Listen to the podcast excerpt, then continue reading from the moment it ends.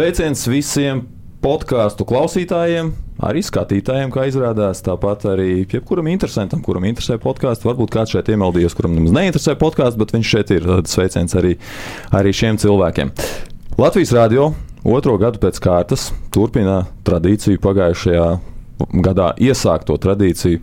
Tā kā pavisam jauna tradīcija atzīmēt arī Latvijā starptautisko podkāstu dienu, jo 30. septembris tā ir starptautiskā podkāstu diena. 2014. gadā šāda diena tika radīta. Tas notika Amerikas Savienotajās valstīs, un sākotnēji kā Nacionālā podkāstu diena, un pēc tam organizatori apjauta to, ka patiesībā jau podkāstus rada visā pasaulē, ne tikai viņu mājās, un pārsauc šo par starptautisko podkāstu dienu. Latvijas Rādio turpina attīstīt podkāstu jomu arī savā mājā. Tieši tāpēc arī mēs esam aizsākuši šo tradīciju katru gadu aprunāties podkāstu dienā, starptautiskajā podkāstu dienā par kādu aktuālu tēmu podkāstu industrijā. Nu, man ir prieks, ka šajā dienā es varēšu aprunāties ne tikai pats ar sevi, bet ar vēl četriem viesiem. Un uh, sākšu ar viesi no kreisās uz labo, tātad pulksteņa rādītāja virzienā. Uh, Andrēs Kozlovs, behaviorists, smadzeņu pētnieks, tā arī tevi var nosaukt. Sveicināts! Jā, sveiki, sveiki! Tāpat kopā ar mums ir Latvijas Universitātes docente, digitālās vidas, digitālo mēdīju pētniece Līva Kalnača. Sveicināta! Sveiki! Šodien sarunāsies ar mums arī Kristaps Skutels, kursors LV izveidotājs, galvenais redaktors arī podkāsta, ko kursors tev neraksta, autors. Labdien!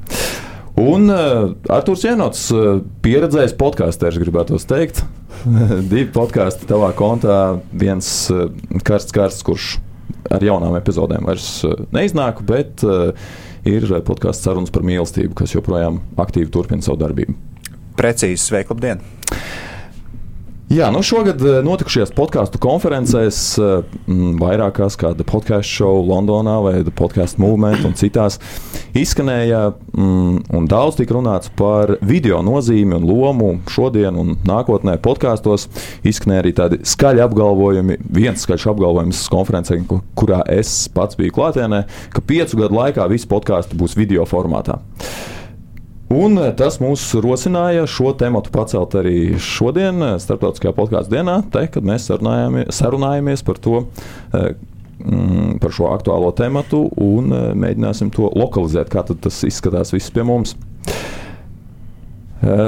Četros lielākajos mm, podkāstu tirgos pasaulē, Amerikas Savienotajās valstīs, Austrālijā, Vācijā un Lielbritānijā, video platforma YouTube ir starp top 4 tātad visvairāk patērētajām platformām, lai klausītos podkāstus. Tā cilvēki ir atbildējuši dažādās aptaujās. Uh, Amerikas Savienotajās valstīs un Austrālijā pirmā vieta, Vācijā otrā vieta, apvienotajā karalistē ceturtā vieta. Uh, Līvija tev vaicā par to, ja tu dzirdi vārdu podkāsts, kas ir tas multimediālais formāts, kas tev pirmais nāk prātā, audio vai video šobrīd? Uh, nē, nu, protams, vēl joprojām uh, audio, jo podkāsta visa vēsture ir tomēr balstī, balstīta ap audio failiem un ap audio formātu. Tas, ka ja pēdējā laikā video ir atnācis klāt. Uh, audio formātam droši vien ir tikai loģiska mēdīja attīstība, jo mēs šobrīd dzīvojam vizuālā laikmetā. Tas uh, vispār nav apspriežams. Mums ir TikToks, mums ir Instagram, mums ir Pinterest, kas ir tikai un vienīgi par attēliem. Un, protams, kad viens pats audio formāts. Uh, kādam šajā vizuālā piesātnētajā laikā var likties par pliku. Nu, tad, kā mēs redzam, reku nāk tālāk uh, video formāts.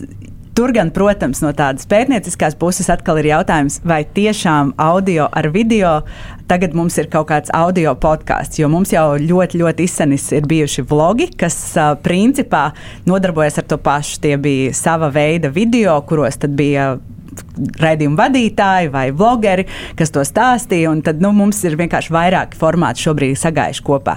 Bet uh, joprojām es teiktu, ka podkāsts ir tomēr par audio. Un arī, ja mēs skatāmies uz visiem pētījumiem, kas šobrīd tiek veikti, tad tomēr tas akcents ir, ka tas mums pamatā ir kvalitatīvs audio. Un tad jau nāk klāt tas video formāts kā papildus mēdījis, kuru es domāju, mēs arī šodien izdiskutēsim, kāpēc tas video tur ir vajadzīgs. Jā, nu šķiet, tā podkāstu definīcija kā tāda no saviem pirmsākumiem ir stipri mainījusies. Ja sākotnēji tas bija sarunu raidījums audio formātā, kas digitāli patērējams, tur lejuplādējot vai straumējot, tad šobrīd cilvēki vairs, un bija pat atsevišķs termins kā videokāsts, šobrīd cilvēki šo ir nu, kā uztver kā vienu. Kāpēc tas tā, Andrej, tavuprāt, ir, ka šie termini ir saplūduši?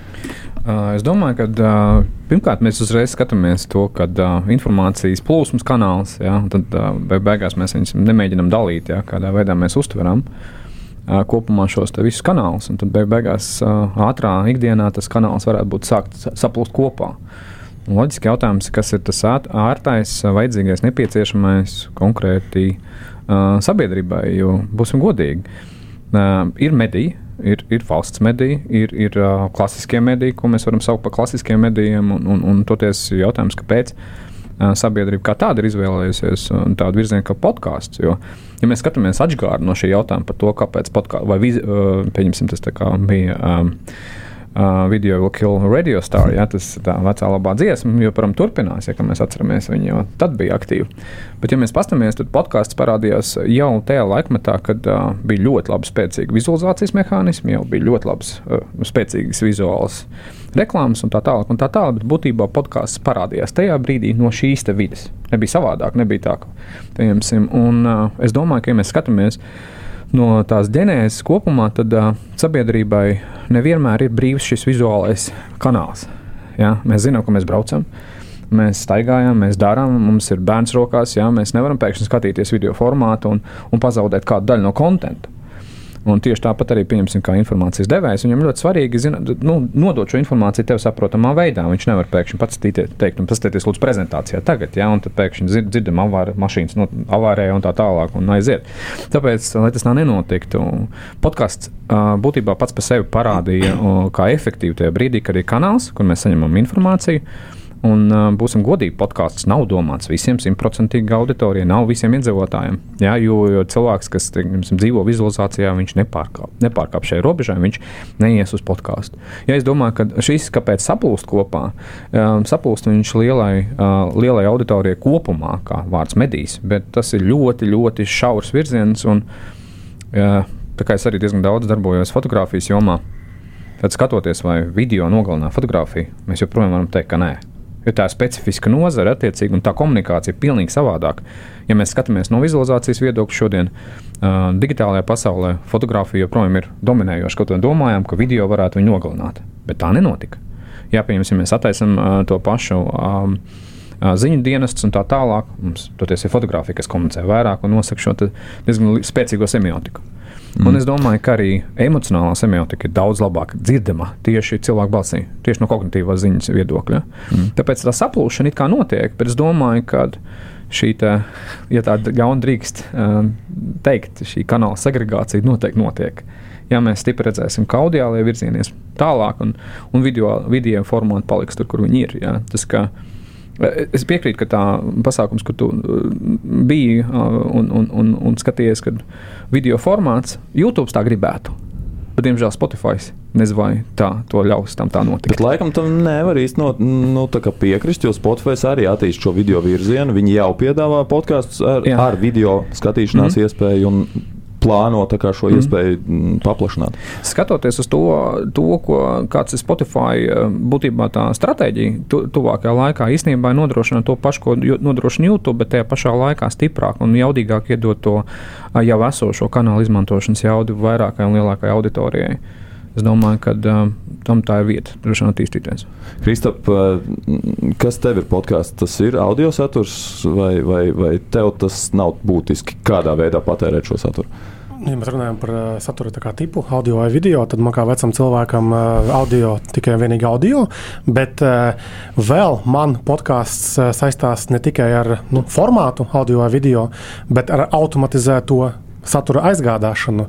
Jo, tad, kad parādījās podkāsti, nu, nebija jau tur gudrība, nezinu, mājaslapā kaut kādā nopublicēt šo ierakstu, bet uh, visa gudrība un visa tā sāls bija tajā, ka tas podkāsts automātiski atlido pie tevis tavā lietotnē, ierīcē, datorā, telefonā. Tas, ko savulaik aizsāka tieši Apple podkāsts, un tāpēc arī viņi bija ilgstoši galvenā platforma, kurā šie podkāsti tikai izplatījās. Un tagad Spotify tur mēģina mm. apvērst un sataisīt, un tāpēc man sirds pilnīgi mm. aptekās, kad es redzu, ka šobrīd cilvēki, kas uzskata, ka podkāsts ir nu, podkāsts, ka viņi tomēr vairāk Spotify klausās šo saturu. Mm. Jā, tur kā ar tevi? Tu klausies, skaties? Uh, es mēdzu. Um, tas viens no tiem populārākajiem podkāstiem, ko es klausos un skatos, ir uh, Joe Rogan podkāsts. Jo uh, Klausies vai skaties? Klausos un skatos. Un skaties. Un skatos. Bet uh, ar skatīšanos es nedomāju, ka es pielīpu ekrānam klāt. Tagad tas viss tās trīs stundas, cik reizēm te podkāsti ir gari, arī nosēžu un noskatos to visu. Absolūti nē. Tas ir um, bieži vien tāds uh, saturs, ko es patērēju fonā, darot kaut kādas citas lietas, mazgājot traukus vai vienalga ko, un um, kā jau mēs visi braucot pie mašīnas stūres. Bet nu, reiz reizē es iemetu acis, kā tas viesis pie Džona Rogana izskatās. Lai kā reaģē? Un kā reaģē. Nu, emocijas. nav gluži arī tā, ka es dzirdu kaut kādu baigo reakciju, un tad es tīnu atpakaļ, lai to redzētu. Jo, nezinu, man tas laikam nav vajadzīgs, bet ik pa brīdim es ieskatos. Un, uh, Nav ne jausmas, kāpēc man tā gribas, bet es zinu, ka es neesmu vienīgais tāds, ka mēs nenosēžam, klausītāji nenosēž un nenoskatās visu to podkāstu, kas ir video formātā no sākuma līdz beigām. Uh, varbūt kāds dīvains tā dara, bet es pieļauju, ka nē. Bet ik pa laikam tomēr ieskatās tajā, tajā kā tā bilde izskatās, mm. pat ja viņa nav pārāk labas kvalitātes bieži vien. Jā, nu mēs Latvijas Rādio no 26. augusta līdz 16. septembrim paši saviem spēkiem īstenojām interneta aptauju par podkāstu patēriņu paradumiem Latvijā. Un uh, aptaujā piedalījās vairāk nekā tūkstoši respondentu. Šīs aptaujas mērķis būtībā bija mm, noskaidrot podkāstu klausīšanās paradumus starp tiem, kuri tiešām to dara, kuri klausās podkāstus jau.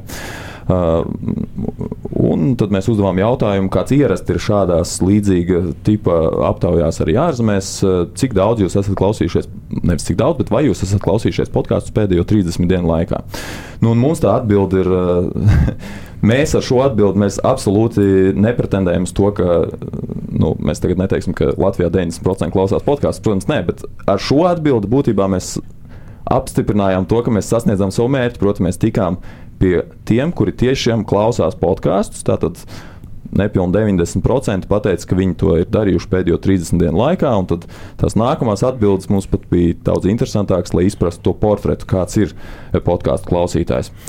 Uh, un uh, mazliet tomēr pieskaroties šim, uh, šiem procentiem, Līvā. Mm, ar šo atbildi ir skaidrs, kā, ka mēs panācām savu mērķi, bet kādu tu uh, vispār redzi podkāstu kā mēdīja formas nozīmi šobrīd Latvijas sabiedrībā? Oh, nu tas ir noteikti pēdējā laikā ļoti mainījies un attīstījies, jo varētu kaut kā droši vien iedalīt tādos podkāstu kaut kādā kā attīstības laikā, ka mums ir tie paši, paši pirmsākumi, kas ir tie 2005. un 2010. gads, un tad mums ir tāds klusums podkāstos, un tad mums pēkšņi bija šis standarta jautājums, vai tev ir savs podkāsts, jo pilnīgi pēkšņi visiem bija podkāsti, un tad tagad es teiktu, ka mēs esam nonākuši pie tā, ka ir palikuši tādi kvalitatīvāki podkāsti jau ar reālu sekotāju daudzumu, ar pastāvīgiem klausītājiem, kas tad arī rekurētajās 88,6% ir. Jo podkāstam jau, nu, principā mums ir jādomā arī par podkāstu kā par tādu mediju, pie kur mēs atgriežamies. Jo ļoti reti ir tā, ka mēs noklausāmies vienu epizodu un vairāk mēs neklausāmies. Jo gal galā paša podkāstu būtība ir, ka tās ir vairākas sērijas, nu, ne gluži sērijas, bet nu, mums ir viens redzējums, otrs redzējums. Jā, regulāritāte. Jā. Uh, līdz ar to tas uh, klausītājs kā, ir ieinteresēts atgriezties un paklausīties uh, vēl. Un es teiktu, ka tie 88,6 6% ir droši vien gan jautājums, kāda jums bija auditorija, kāds bija vecuma griezums, jo es pieņemu, ka tur būs droši vien 18, um, 25. Būtībā mēs sasniedzām mūsu Latvijas radio klausītāju, jo mēs to par to komunicējām mūsu kanālos, digitālajos kanālos.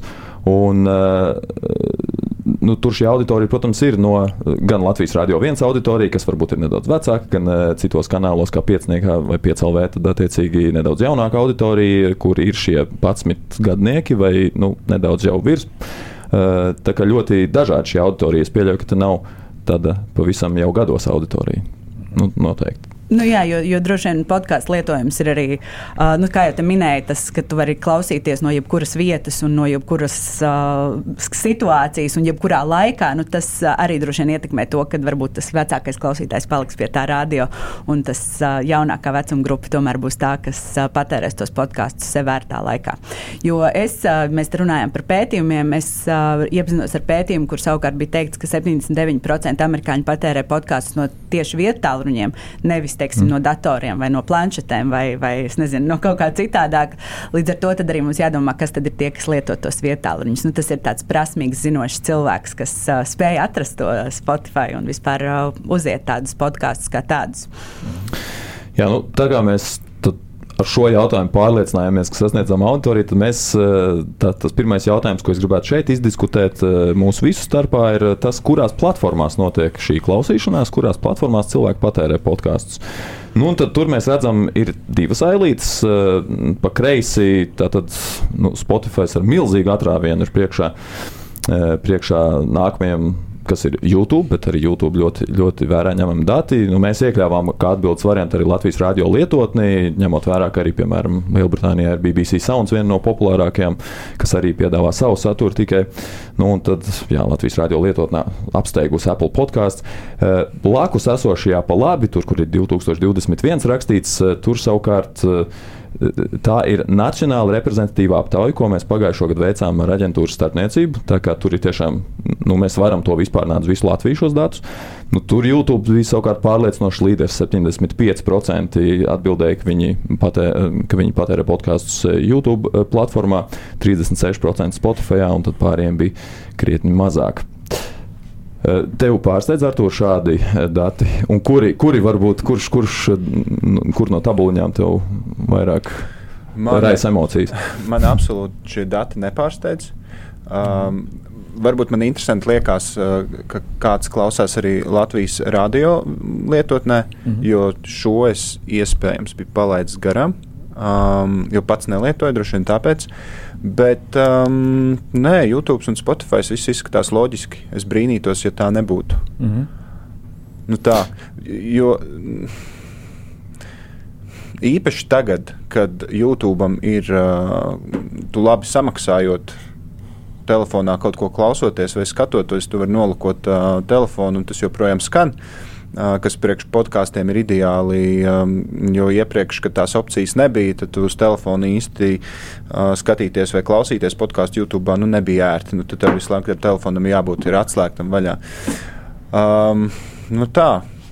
Kristap, nav jokaini, ka man gan, audio saturu. Man patērē. liekas, ka tie 2021. gada datos tie cilvēki, daudzie, kas atbildējuši, ka viņi YouTube klausās, visdrīzāk viņi ieskaita tur iekšā lietas, kas arī nav podkāsti. Mm -hmm. Vienkārši šovs. Mm -hmm. Un tas kaut kā tāds drīzāk liekas, tas, tas ir. Starp citu, pagājušā gada mūsu aptaujā arī parādījās, jo tur, eh, kad mēs lūdzām nosaukt konkrētus podkāstus, ko cilvēki patērē, tad tur parādījās arī tādi nosaukumi, ko mēs it kā neuztveram kā podkāstu. Un kas ir patiesībā pieejams tikai YouTube platformā. Tātad pēc tādas savas pirmās definīcijas tas nemaz nebūtu podkāsts, tāpēc ka tas nav ar RSS feed pieejams visur. Ar tam pašam Roganam gadījumā arī nosaukumā nav The Rogan Show. No, experience. Ah, experience jā, jā. Okay. jā. Uh, bet uh, nu, šī, šī ir lieta. Šī de, tā definēšana, kas ir podkāsts un kas nav podkāsts, tā ir lieta, ar kuru mēs saskārāmies ar uh, manu kolēģi Ābru, tad, kad mēs sākām veidot karsts karsts.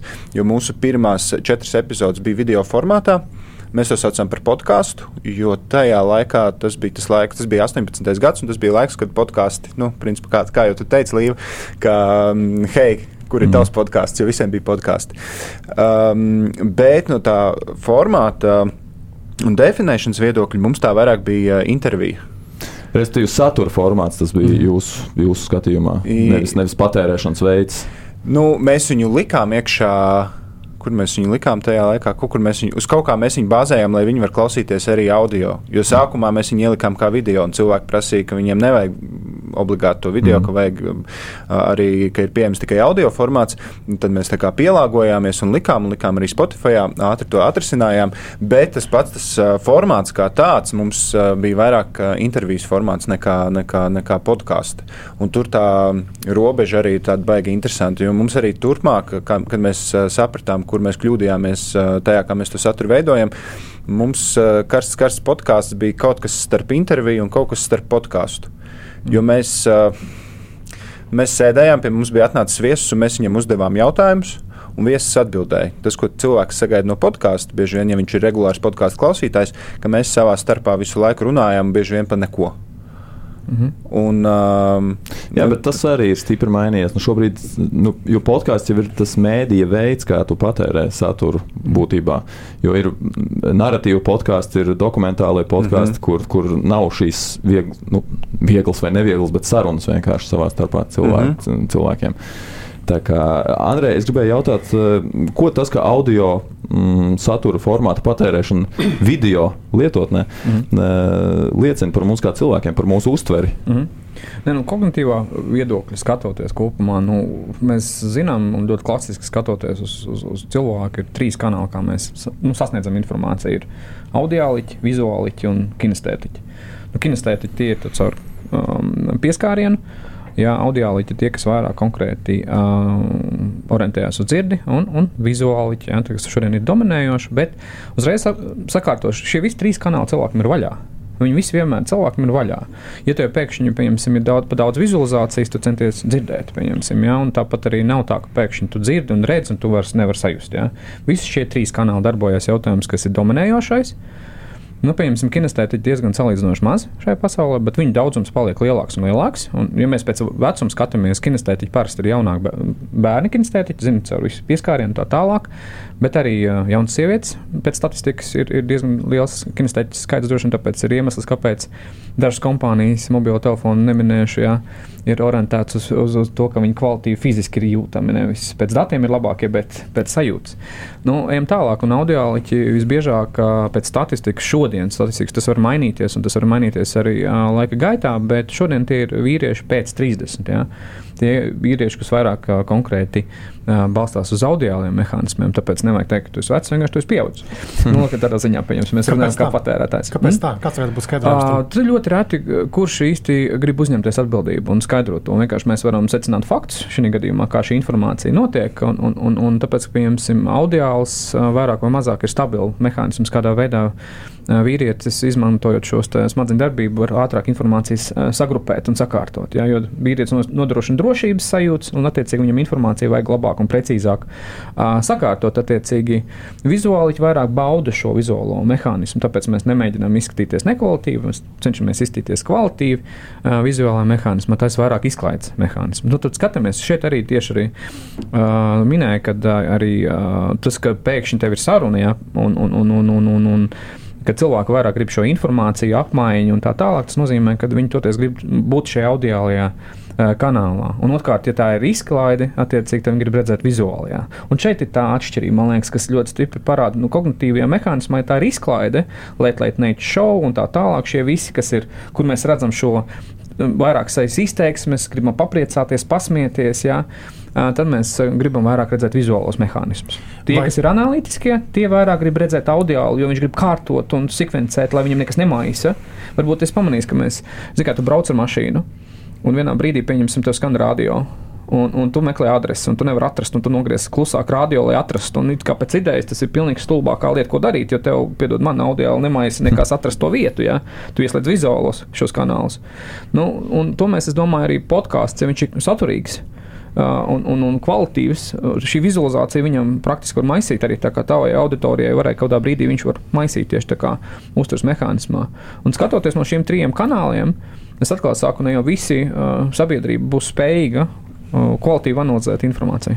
Vēl jautājums par tām vecuma grupām, teiksim, runājot, vai nav tā, ka vecākiem cilvēkiem, mm.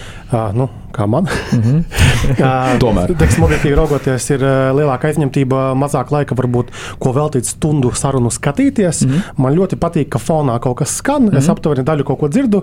Ja man kaut kas tur beigas aizķerās, tad es atkal nu, mm -hmm. ielūkojos vai vēlreiz pat un paklausos. Mm -hmm. Video formātā man kā reizes nespētu atrast ikdienā laiku, lai mm -hmm. stundu varētu mm -hmm. nu, skatīties uz kaut ko. Uh, šeit īstenībā pēdējie neirozinātnes pētījumi, un, un kuriem es diži daudz neticu, īstenībā runā par to, ka cilvēkam ar laiku sāk nepatikt nekvalitatīvi video formāts, kā ar viņu komunicē.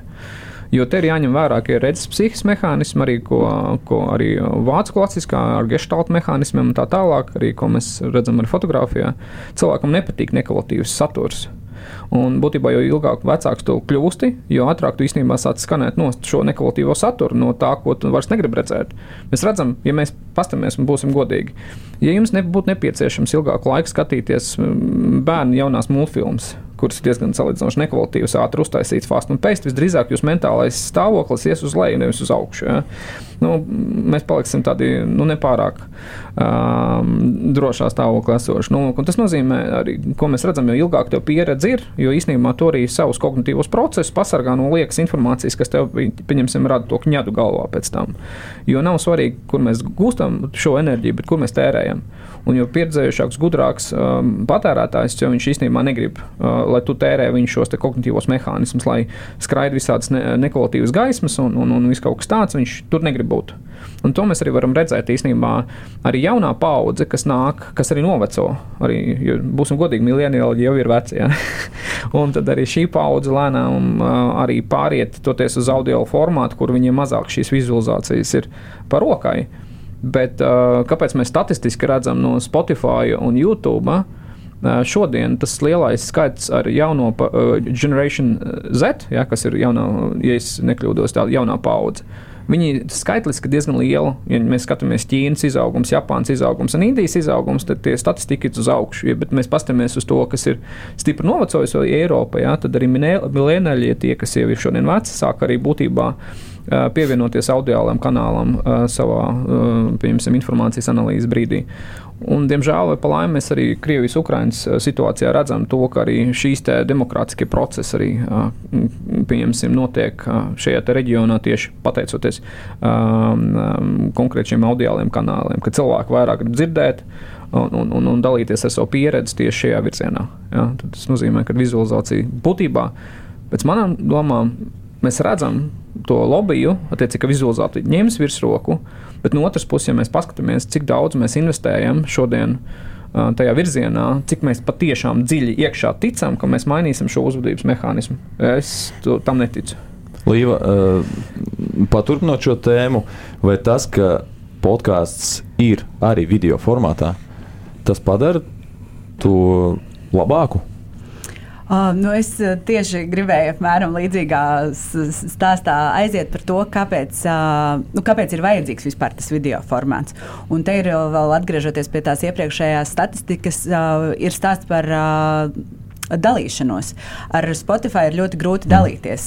Ja man kāds paprasa, ko es klausos, tad man ir jānosauc vārds, jāpasaka epizode un tā tālāk. Un, tad viens no iemesliem, kāpēc šis video formāts un kāpēc YouTube mums ir tik tagad kā skatītākā vietne, ir tas, ka tas ir ļoti vienkārši no, nošērot. Nu, sarunu valodā sakot, mm. mēs vienkārši aizējam, nospiežam podziņu dalīties, un es aizsūtu konkrēto podkāstu.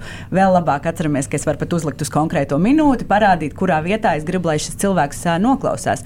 Un, tāpēc arī tas stāsts ir par to, ka tas audio un video formāts viņi papildina viens otru.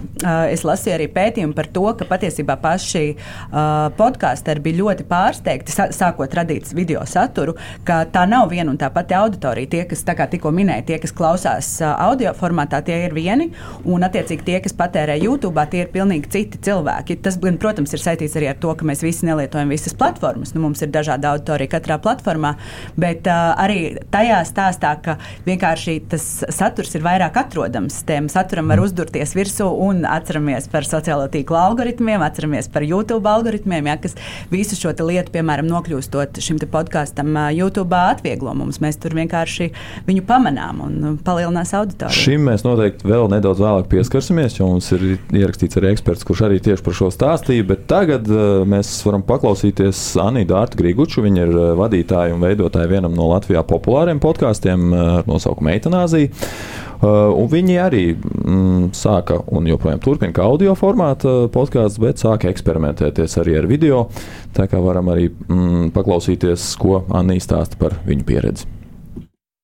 Šobrīd mēs tā kā drošāk esam sākuši justies līdz ar la, laika gaitā un to, ka mums ir kaut kādas jaunākas ierīces un tehnoloģijas, tā tālāk mēs varam tagad atļauties arī mazliet vairāk, ka, kad video saturu dot um, Patreonā, kur šobrīd mēs skatāmies kaut kādas raidījumus vai video klipus, uh, TikTokus un reaģējam. Tas izrādās cilvēkiem patīk. Uh, mēs pret, pret to no sākuma turējāmies, tāpēc, ka mums nebija tik kvalitatīvi, tā kā kvalitatīvas ierīces un tā tālāk. Um, Man personīgi bija ļoti, ļoti lēns dators, un man, man ir sarežģīti vienkārši apstrādāt pēc tam, renderēt visus tos video klipus, bet tagad ir mazliet vieglāk, un mēs domājam, kaut kad varbūt tālāk arī mēģināt kaut kādas arī parastās epizodes video formātā, bet tas viss vēl ir tā uz jautājumu zīmes. Mm. Ar video saturu, manuprāt, mainās ritms epizodes, jo audio tomēr var mazliet vairāk kā, kontrolēt, un tas uh, Varbūt tu vari kaut ko ar, ar montāžu noslēpt, kaut kādas garākas, garlaicīgākas pauzes. Mums vienmēr ir bijis tas, ka mums tās sarunas audio formātā iet diezgan raiti, bet uh, tagad testējot Patreonā, jāizskatās, ka cilvēkiem interesē arī tas video saturs. Mēs redzēsim, jā, uh, mēs domājam ie, ieguldīt arī kādās webkamerās labākās, cik saprotu, ar pēdējo iPhone update. Um, arī būs iespējams kā, izmantot uh, telefonu kā uh, webkameru. Uh, Um, tā mēs noteikti skatīsimies to, bet uh, tas nekad nav bijis tāds um, galvenais lielais mērķis. Uh, mēs vienmēr esam uh, vairāk vai mazāk gribējuši, lai tas saturs tiešām, tiešām kvalitatīvs vispirms, um, un pēc tam tā kā, pa, tā kā izpatikt visādām vēlmēm. Tur, ne, mēs gribam video, bet mēs gribam, lai tas video ir kvalitatīvs. Es gribu, lai man nav jāsēž sešas stundas un jāmontē viņš nu, tā, tādā ziņā. Tā kā YouTube nav īsti tas video klāt parastiem epizodēm, tur ir nu, daudz mazāk, tur ir kaut kādi maksimums 400, jā, jā, jā, jā, jā, un tad tālāk Spotify un iTunes jau ir tūkstošos. Podkāstu veidotājiem ir, ir, ir mazliet savādākas tās attiecības ar saviem klausītājiem. Man liekas, ka tas saturs ir tas, kas izvēlk ne, nekā vairāk tas formāts. Ja cilvēki ir pieraduši pie tā viena formāta, tad viņi, viņi varbūt jutīsies komfortablāk um, tajā vienā formātā. Un, uh, jā, es nezinu. Uh, Cer, nu, es Protams, ka, ja, ja nāksies iet video un to pieprasīs, tad mēs iesim tālāk. Ja mēs, protams, ka, ja tu gribi kā, izdzīvot tajā tirgo, tad tev droši vien jāiet līdz tendencēm.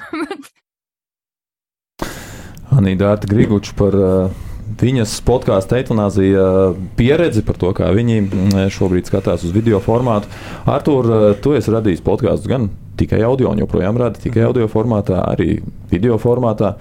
Uh, Kāda ir tava pieredze, cik liela ir tā atšķirība skatīt, skatītāju vai klausītāju pienesumā, auditorijas pienesumā? Mm -hmm. nu, um, Tātad, tiem, kas nezina, video formātu mēs vairāk kārt testējām un mēģinājām ieviest regulāri karsts karsts podkāstā.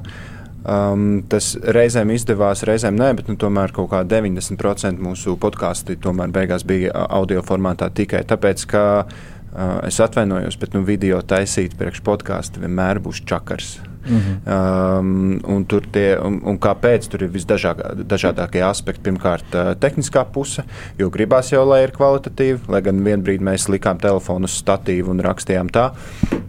Um, tas laiks, kas ir jāiegulda, jo tev jebkurā gadījumā jāķerās klāt būs montāžai. Gribi tu to vai negribi, ir iespējams to arī atrisināt tehniski, lai tas nav jādara, bet tas atkal prasa lielāku ieguldījumu tehnikā. Um, ja tu gribi, lai tas ir kvalitatīvi nofilmēts, es pats nodarbojos ar video filmēšanu un montāžu, uh, bet sēdēt un vadīt raidījumu un, un ar vienu acu pieskatīt kameras ir uh, nu, pilnīgs vaiprāts. Tad tev ir jāņem kāds cilvēks, kas to dara. Tam cilvēkam visticamāk ir jāmaksā, lai viņam samaksāt, ir jābūt kāds sponsors, tad tā būs sponsors. Beigās viss sponsora nauda aiziet tam, lai tu samaksātu kādam, kas pasēž pie kamerām, un tad tu dodies mājās pats to montēt, lai tev nebūtu jāmaksā vēl kādam par montāžu. Nenormāls čakars Vai ir tā vērts? Mūsu gadījumā um, bija tā vērts. Reizēm bija tā vērts. Jo skatījumi kāp. Un līdz ar to jau ir augstāks skatījums, jo lielāka iespēja ir dabūt kaut kādus sponsorus un attīstīt visu projektu kā tādu. Uh, savukārt, sarunas par mīlestību ir tikai audio formātā. Tāpēc, ka es viņu jau pašā sākumā man vīzija bija tāda, ka viņš nebūs video formātā nekādā gadījumā. Pirmkārt, jo čakars, un otrām kārtām, tāpēc, ka tā tēma ir tāda, kur um, es negribu ne sevi, ne arī otru cilvēku, kas ir viesis, likt kameras priekšā, jo tas uzreiz, kā jau Anna minēja, tas maina absolūti nu, visu pa kaut kādiem. Mm. Nu, mēs esam rēķinājuši 83 grādiem kā minimums. Mm. Um, jo tas prasa no tevis paša. Tev pirmkārt jāizskatās labi, tu ar vienu smadzeņu pusi domā par to, kā tu izskaties kameras priekšā, jo to kāds skatīsies, un gal galā tev jau rūp, kā tu izskaties citu cilvēku acīs. Tas ir lielāks arī spiediens priekš paša viesa. Bieži vien viesi, pirmais jautājums bieži vien no kāda viesa, ko es uzaicinu, ir, vai tas būs kā, tikai audio vai būs arī video. Tad principā miera un hei, nebūs video. viss kārtībā. Jā, viss kārtībā. Mēs varam nākt treniņbiksēs un sēdēt, un viss būs labi. Um, nu, tā, tā kaut kā tas ir grūti, tas ir čakarīgi. Uh, vēl viens aspekts, runājot par to video formātu, ko Līja minēja par to dalīšanos. Tas, ko mēs darījām ar karsts karsts, un ko dara arī daudz citi lielie uh, tev ir tā garā, milzīgā desa uz divām puses stundām, kas ir podkāsts. Un, un tad tu to desu ņem un sagriez ar interesantākajām daļām un liec iekšā YouTube kā izgriezums uz trīs minūtēm, divām minūtēm ar kaut kādu varbūt tādu.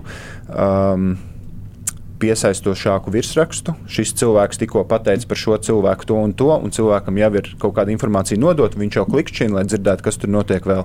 Skatījuma augstiem mazajiem video, tad jau līdz pieminētie algoritmi, un tas jau tev aizvelk tālāk uz to lielo epizodi. Jā, bet ja runa ir starp platformām, jo, piemēram, ja mēs Instagramā ievietojam šādu video, vai mēs tiešām varam sasniegt mērķi, citā platformā dabūt vairāk klausījumus. Loģiski, tas jau no vienas platformas aizvelk uz nākamo. Jā, bet vai tā notiek tiešām? Tā vai, notiek. ne, vai nav tā, ka īpaši jaunākajai paudzei viņiem pietiek ar to, ka viņi ir tās 30 vai 60 sekundes noskatījušies tur?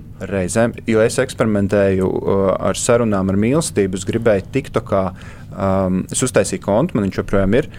Uh, kur es ņēmu sarunas par mīlestību, kaut kādas daļas no podkāstiem griezu ārā, un tad ar stoku video liku viņam vizualizācijas un liku iekšā TikTokā. Un tas bija vēl laiks, kad TikToks, paldies Dievam, pagrieza sev uh, tos um, video limitus. Uh, uz divām minūtēm, kas man jau bija tāds, jo, zinu, kā cilvēki par tādu tēmu runājot, mēdz izplūst.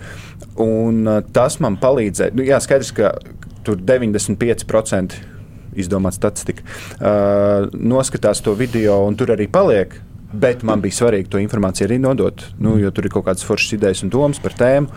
Bet bija cilvēki, kas no TikTok aizgāja uz tālāk uz Spotify vai uz YouTube.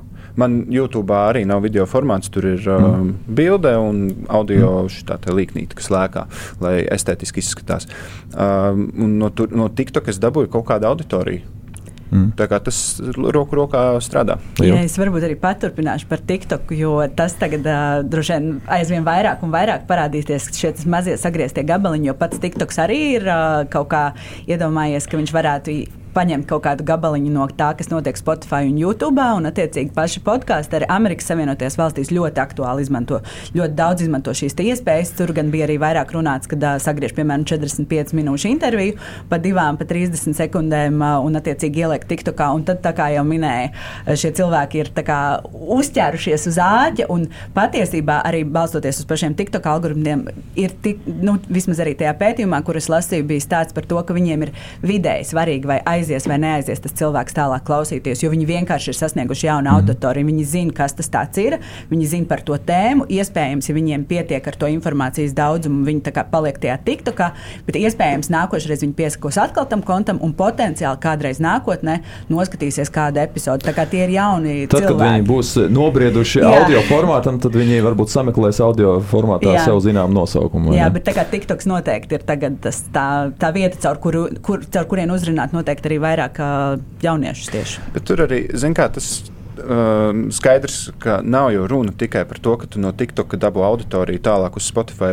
vai uz YouTube, kur tā tās pilnās epizodes tu jau par sevi lietas manīt, un tos vārdus iet tālāk. Tā teikt, um, out of mind, out of sight, ne, un tu gribi visu laiku būt kaut kur iekšā un, un redzams, jo tu nezini, un to ir grūti vienmēr izmērīt un noteikt arī kā mērķi, kur tev tas, tā satura veidošana šādā veidā priekš TikTok var tev aizvest tālāk, un kur tas var aizvest tavu podkāstu. Man ar uh, sarunām par mīlestību tāds negaidītākais notikums bija tāds, ka mani uzaicināja vadīt burtisku sarunu par mīlestību un attiecībām viena projekta ietveros uz, uz skatuves ar pazīstamiem, Latvijā pazīstamiem cilvēkiem. Absolūti negaidīju, ka tas varētu notikt. Nu, lūk, un, un tas jau arī savā ziņā pateicoties gan Instagram, gan TikTokam, kur nemaz tās pilnās epizodes nav pieejamas. Mm -hmm. Jā, rezultāts ir tāds, ka tev ir kaut kādas piecas platformas, kurās tev ir regulāri katrai platformai specifiskā nu, sagrieziena nu, formātā jārada saturs regulāri pie tam. Re regulāri ir mm -hmm. atslēgas vārds mm -hmm. visam, lai vispār kaut ko sasniegtu. Tas jau nav tikai par satura veidošanu, bet ja par, par jebko dzīvē. Mm -hmm. ja, ja man būtu ja es nebūtu tik slings, cik es esmu, tad es vēl ņemtu tās uh, katru to epizodu, vēl transkriptu viņai taisītu, mm. vilktu ārā, ne, ne, ne pilnā epizodē, epizodē, bet vilktu ārā to sulīgāko un liktu kā blogu ierakstus.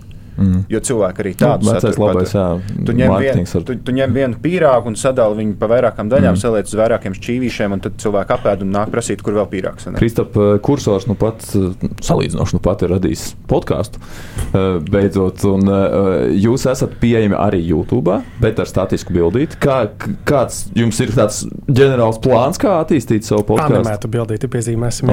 bet, bet, bet tas tās ir, jā, kad, kad sākās podkāsts pirms tiem desmit vai cik tur gadiem.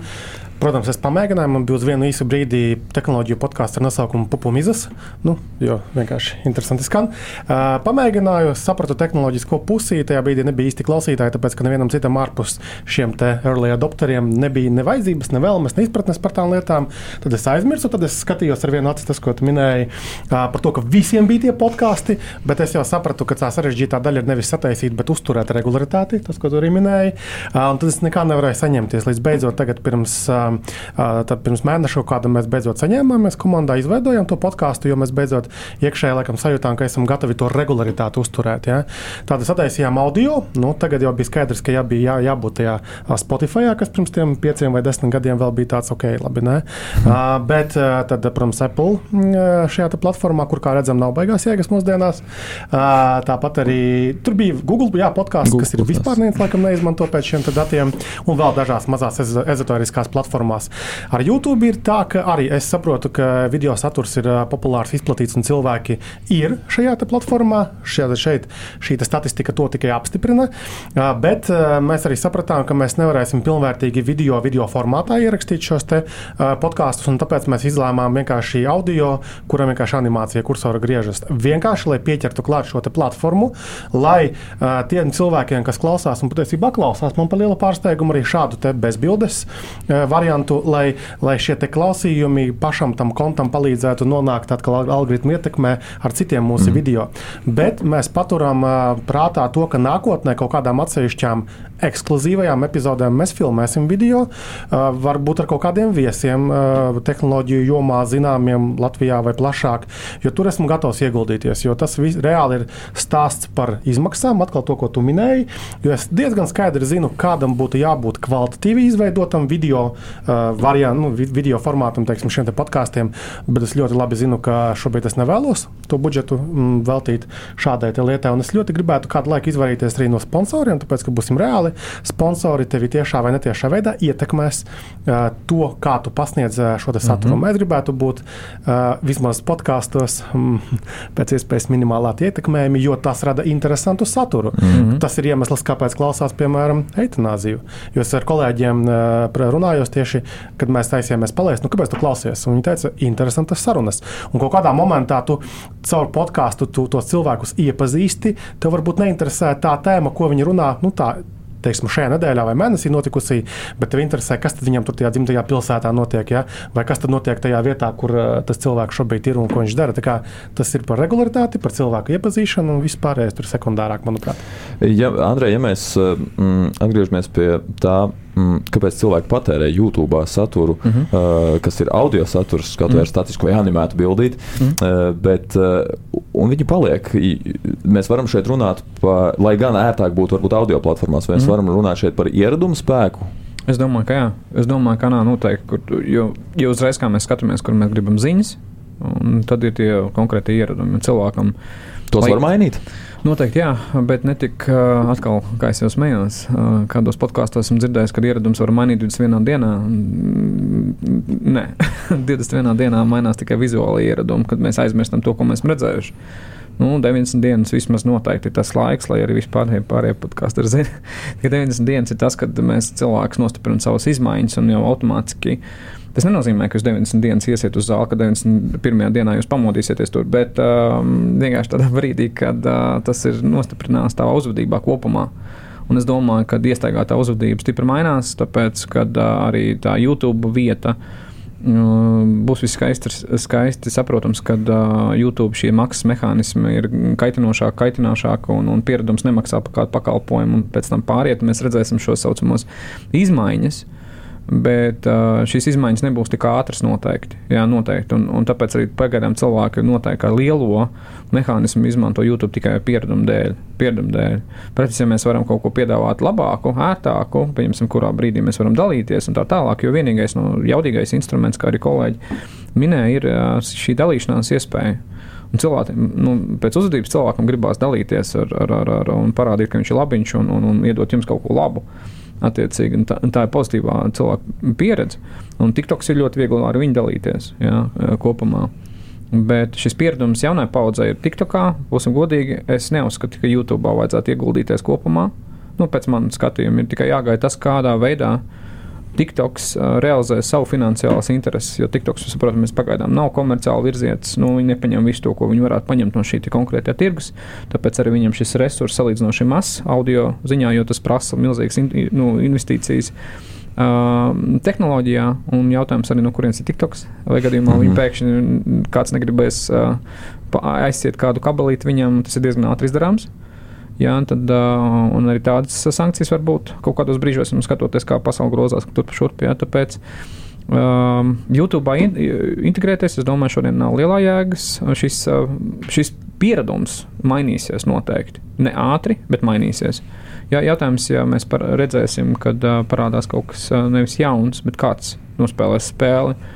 Un šī gadījumā es toties liktu savus zirdziņus uz Spotify, jo viņi šī gadījumā jau ir pieredzinājuši savu klientu patērēt naudu. Attiecīgi, tad visdrīzāk tā, tas pieredums toties mainīsies spēcīgi uz Spotify.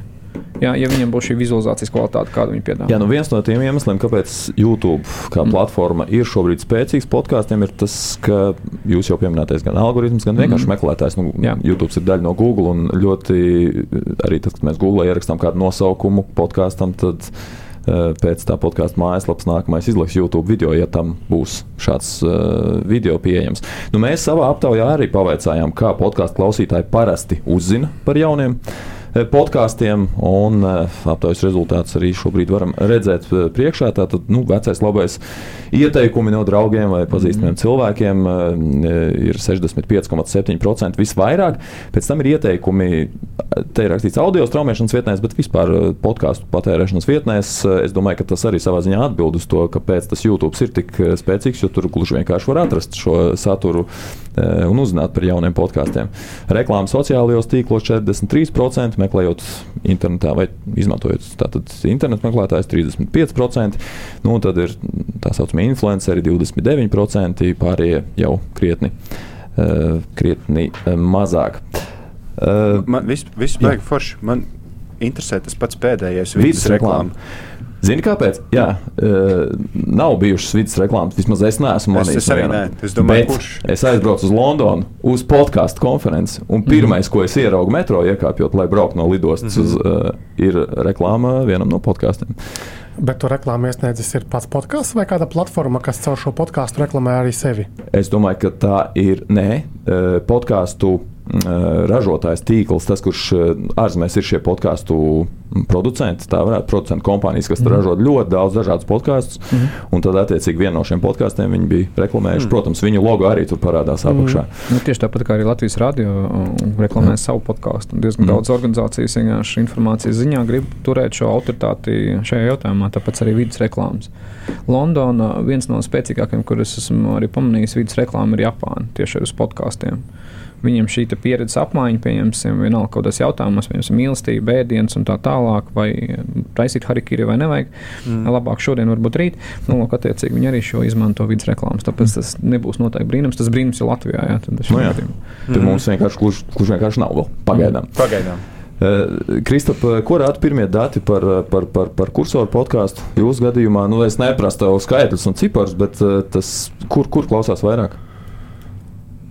Spotify. Jā, Spotify, jā, diemžēl. Mm. Uh, bet uh, arī liels bija mans pārsteigums, ka diezgan daudz klausās arī, arī YouTube. Tas, ko mēs te, nu, nopeļam kaut kādā mērā. Mm. Uh, jo vēl arī klausoties šo sarunu šodien, man, man vēl tomēr gribas arī piezīmēt to, ka manā skatījumā YouTube jau arī mainās. Mm. Tas arī, kā mēs patērējam to YouTube, nezinu, varbūt tas ir tā individuāli tīri man, bet uh, uzsākoties karam Ukrainā, es pieķeru sevi pie domas, ka es vairāk pavadu YouTube laika klausoties šos garos, tur tās, piemēram, Feigina un Aristoviča šovus. Man mm. neinteresē tās sejas, kas katru dienu nemainās viņiem, bet fonā man ir uzlikts, un es aptuveni, kas tajā dienā noticis, saprotu tieši no, no, no, no YouTube. Es ticu, ka viņiem ir arī citās platformās, bet man kaut kā automātiski YouTube ir iegājies, un arī, tur es arī klausos. Un... Bet tur arī, nu, tu esi meklējis droši vien saturu par Ukrajinu, un tev šis algoritms nostrādā. Tagad jau viņš ir piedāvājis, protams, viņš šādas saistītās mm. uh, tēmas, bet, uh, bet tas, ka es pavadu daudz laika klausoties YouTube, ko es nebūtu darījis pirms gada.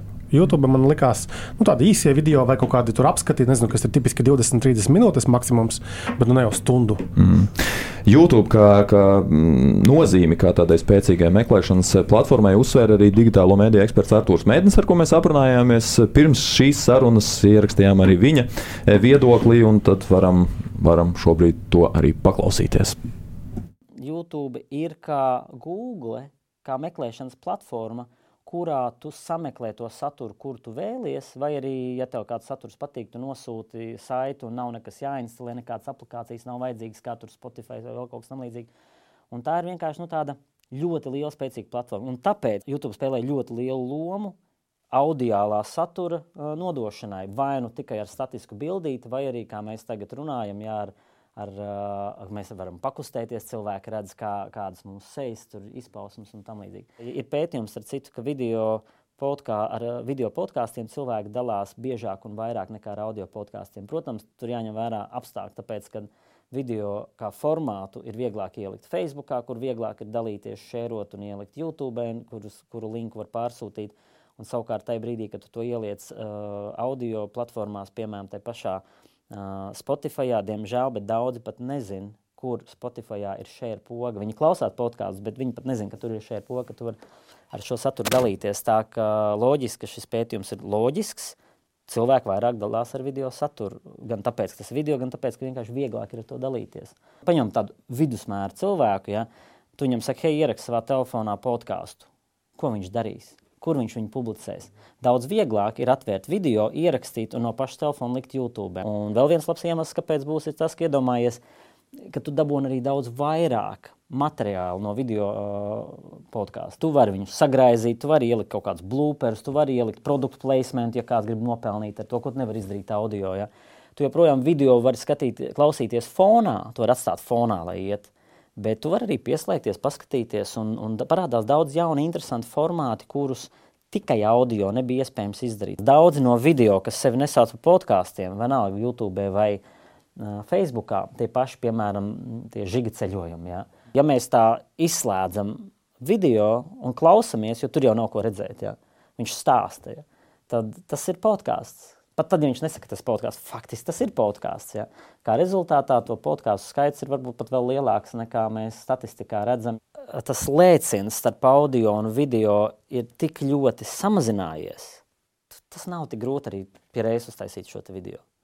Ko es ar to domāju? Nu, tiešām nav jau obligāti jāfilmē ar divām kamerām no diviem leņķiem vai vairāk. Tu nopērci GoPro kameru vai paņem savu iPhone vai, vai kādu citu datorā. Mūsdienās pat webkameras ir samērā normāls. Tu ieraksti to podkāstu jau šādā veidā, vai, ja tu gribi sarunu un ne, neatrasties vēl vienā studijā, tu vienkārši zūmā sazvanies, ieraksti. Tu vari arī lejupielādēt šo video failu. Faktiski tev jau ir tādas divas runājošas galvas, katrs savā pilsētā, video versijā un podkāstu video versiju sareditēt un pēc tam paņemt audio celiņu no tās, tas ir daudz vieglāk nekā tas tiešām bija pirms desmit gadiem. Tāpēc, ja kāds censonis tagad gribētu sākt audio podkāstu, lūdzu, dariet, tas ir ļoti viegli, bet tas nākošais solis ir, ja pakāpiens ir ļoti mazs, un tas ir gandrīz tikpat viegli, nu, nedaudz procentiņu grūtāk, bet uztaisīt video. Nu, re, kā Arthurs Mēnesis eh, būtībā rezumēja daudz, ko mēs šeit runājam, bet arī atšķīrās viņa domu gājiens, eh, piemēram, mm. par to pašu video mm, veidošanu, rediģēšanu un publicēšanu. Ir kāds komentārs? Nē, nu, varbūt, arī... viņam ir kāds, varbūt viņam ir kāds slepenais ierocis, ar ko, ko labāk operēt video apstrādē. Nu, Laiks varbūt viņam ir vairāk par to. Varbūt, nu, jautājums, kā tu kapitalizēsi to konkrēto laiku, ko tu patērē. Ja būsim godīgi, ir arī kolēģi saka, ka viņi negrib, piemēram, reklāmas slēgt, lai es tiekšā savos produktos, un es to absolūti cienu. Tāpēc, tas ir saturs. Podkāsts pēc savas veida, nu, varbūt es esmu baigais optimists. Bet, pieņemsim, skatoties uz klasisko žurnālistikas izpratni, ja māja deg, tad uh, sabiedrība mūk no turienes prom. Un žurnālists ir tas, kas mūk uz turieni, lai saprastu, kāpēc māja deg. Podkāsts ir gan par mīlestību, visām pārējām lietām. Būtībā mēs skatāmies tas, kas ir svarīgs, ko mēs neesam pamanījuši, par ko mēs varam runāt. Tas ir žurnālistikas uzdevums. Šodien spēcīgā piedod Latvijas radio valsts ietekmē uz, uz, uz medijiem. Podkāsts ir risinājums pilsoniskai sabiedrībai parādīt savu viedokli un runāt par lietām, kas ir svarīgas pēc idejas. No otras puses ir mārketinga daļa, nu, kur ir peļņas mehānismi. Tur varbūt viņam ir taisnība. Jā kad, ja jūs gribat nopelnīt, liekat iekšā konkrēti video formātu. Bet jautājums, vai mēs Latvijas tirgu, latviešu valodā varēsim nopelnīt uz, labi, es, es būšu ļoti vulgārs, bet apmēram uz 40 tūkstošiem cilvēku, kas Latvijā varētu patērēt šo te, um, produktu. Ja jūs teiksiet, ka ir vairāk, pierādiet man lūdzu, tāpēc, ka īstenībā ir ļoti maz cilvēku, kas ir kvalitīvi spējīgi patērēt produktu no podkāstiem. Tāpēc, piemēram, ja tu gribi startēt, tad, tad, tad podkā, nu, tiksim, marketinga virzienā podkāsts nav risinājums. Es domāju, ka lielā mērā ir tas diezgan grūts pasākums. Nu, podkāsts ir bieži vien līdzeklis mārketingā. Tas ir līdzeklis, tas var būt papildus līdzeklis, pieņemsim, kā supportīvais mehānisms, pieņemsim, ja, tad tas tad strādā. Un tas strādā, starp citu, arī pirms. Uh, pirms kopējā tā moda, nu, kā trends parādījās podkāsts. Tas jau strādā daudziem Latvijas arī podkāstiem pašā sākumā, kurie kaut kādā brīdī šajā virzienā darbojās. Arī kolēģi no Liepājas, kas ir aktīvi podkāsteri, ja, arī kā suportīvais mehānisms. Bet tīrais medijs, lai kaut kādā veidā reklamētu kaut ko un, pieņemsim, cilvēkus informētu sabiedrību. Jā, mednim savus viedokļus teiksim, savu realitāti un mediju tirgu noteikti, un, un daudz cilvēkiem uzticās, bet tīri finansiālā jautājumā, ja teiksim, tā, tas ir klienta iz, izglītošana. Podkāsts ir labākais veids, audiālais virziens. Jā. Ja klientu virzīšanu, tā saucamo to mārketinga tuneli, jā, lai tu kaut ko dari, jā, podkāsts nav labākais risinājums. Nu, es domāju, te, te, te ļoti ātri viņš sadalās kopumā. Jā, tad, uh, Es gribu ļoti ātri iet laiks uz priekšu, bet uh, mums vēl ir pietiekami daudz, ko, par ko parunāt. Es gribu pieķerties nedaudz tam, ko Arthurs minēja, tu, ko arī Līvija jau iepriekš stāstīja par to, ka ir vienkārši ērti dalīties ar, ar um, saturu video formātā. Nu, mēs savā aptaujā pajautājām par dalīšanos, un tad vispirms mēs pajautājām vispār, vai cilvēki tos podkāstus, kas viņiem patīk, iesaka citiem, un tur, nu, redzam, tā aina ir es gribētu teikt, laba. Ja mēs saskaitām kopā vienmēr bieži un reizēm, tas nu, nozīmē, ka tie cilvēki, kas to vismaz reizēm dara, tad tie ir gandrīz 70%. Savukārt tie, kas reti nekad grūti atbildēt, nu, tur būs attiecīgi nedaudz pār 20% atbildētāji. Un tad vēl ir otra grafika. Pajautājām, kādā veidā jūs iesakāt podkāstus. Un te man šķiet ļoti interesanta aina pavērās. Tāpēc, ka daudzi saka, ka jā, 70% gandrīz reizēm dalās ar podkāstu, vismaz reizēm. Bet lai gan būtu iespēja dalīties ar savos sociālajos tīklos, kas it kā mums varētu šķist, ka ir nu, tas, kur cilvēki varētu citiem pastāstīt par podkāstiem, bet tomēr 78,3% pastāsta po, par podkāstiem personīgi, par tiem, kas viņiem patīk. Līva Kā tu šos datus vērtē? Kāpēc cilvēki nu, vairāk ir šis vārda spēks eh, nekā, nekā dalīšanās sociālos tīklos? Nu, tāpēc patiesībā, ka, podka, ka mēs neesam pieskārušies, podkāsts ir ļoti intīms mēdījis. Tu patērē viņu viens, mm. tu patērē visbiežāk austiņās, vai nu, varbūt labi fonā klausies, bet katrā ziņā tu, uh, nu, mēs droši vien reti, kurš sas, sas, sas, sanāk ģimenes lokā un klausās podkāstu. Un, uh, varbūt tu, sarunas par mīlestību. Varbūt, jā. Tas būtu mazliet dīvaini dīvaini. uh, bet uh, nu, mums jāatcerās, ka tā, tas ir individuāls mēdījis. Un, uh, mēs uh, runājam arī par to, ka uh, cilvēks. Uh, nu, Pirmkārt, podkāsts nav visiem, kā mums te arī skaņa sākumā izskanēja, ka tas ir konkrēti cilvēki, kas klausās podkāstus, ir konkrēti cilvēki, kas neklausās. Un tad arī te parādās tas, ka es ne, visiem saviem 600 draugiem man nav nepieciešamība pastāstīt par šo podkāstu. Es aizēju pie tiem, kuriem es zinu, pirmkārt tā tēma būs svarīga, jo kā mēs arī pieskārāmies tēma, uh, tad mēs ejam tālāk pie formāta, tad mēs ejam pie platformas un mēs jau saprotam, kas būs tie cilvēki, kurus tas varētu uzrunāt. Jo arī, protams, podkāstam ir daudz dažādu funkciju tur sākot no informēšanas un, protams, beidzot ar izklaidi. Un jāatcerās, ka arī, man liekas, jūsu pašu pētījumā par pod, 2001. gadā par podkāstu tiem lietošanas mērķiem ir tas, ka var pārunāt šo podkāstu. Nu, tad, attiecīgi, es aizēju pie tā konkrētā cilvēka, ar kuru es pārunāšu, nevis es ielieku sociālos tīklos un tagad gaidu, ka man tur komentāri jūra sabirs. Jo, protams, podkāstu patērēšana paņem laiku, tas ir vēl viens aspekts, kas ir jāsaprot par sociālajiem tīkliem. Nu, es ielieku to, dalos ar viņu, un tad es gaidu pēc cik pēc stundas, pēc trīs stundām, pēc piecām stundām to atbildi. Jo tā, tā nav uzreiz tūlītēja reakcija. Mums ir ļoti grūti sniegt. Ja mēs runājam par tiem mazajiem klipiņiem, tur 30 sekundes, 2 minūtes, tā būs cits stāsts. Bet, ja mēs runājam par stundu garu podkāstu, tad ir skaidrs, ka šis cilvēks atradīs sev laiku, tad viņš atnāks un noklausīsies. Nu, un tad mēs varbūt varam atgriezties pie man tā tī, sociālo tīklu posta un, un paskatīties, uh, par ko tas bija stāsts. Bet, uh, Jā, man pilnīgi liekas saprotami. Mm. Šādi. Kolēģi, paskatieties, interesanti. Kur notiek komunikācija un informācijas sniegšana? Tas tikai sanāk uz audio uh, virzienu. Tur arī cilvēki mēdz dalīties ar to savu pieredzi. Mm. Tas nozīmē, ka viņš nepārslēdzas no kanāla. Ja podkāsts ir audiāls, es dalos ar viņu audiāli. Cenšos it kā sociālos mēdījos ielikt, bet tāpat. Un ar video tieši tas pats formāts. Ir video, pieņemsim, es gribu dalīties, tad es mēģināšu kaut kā citiem mēģināt parādīt, rekur video, pasties uz viņu. Un te arī mēs ļoti labi redzam.